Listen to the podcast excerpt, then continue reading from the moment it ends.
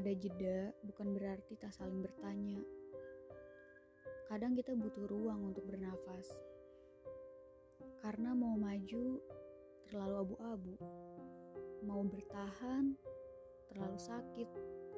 Dan mau mundur terlalu sayang rasanya. Gak bisa ke mana-mana. Dan gak tahu harus apa diberi jeda agar lebih bisa menghargai makna. Untuk nanti datang kembali menyapa. Setelah beberapa purnama diberi jeda, aku ingin kembali mengajakmu untuk cukup jatuh cinta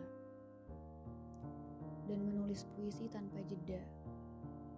Menaruh kita di dalamnya sebagai kata yang paling serius diaminkan.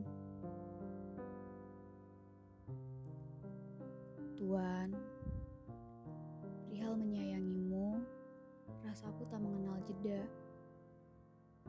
Yang ada.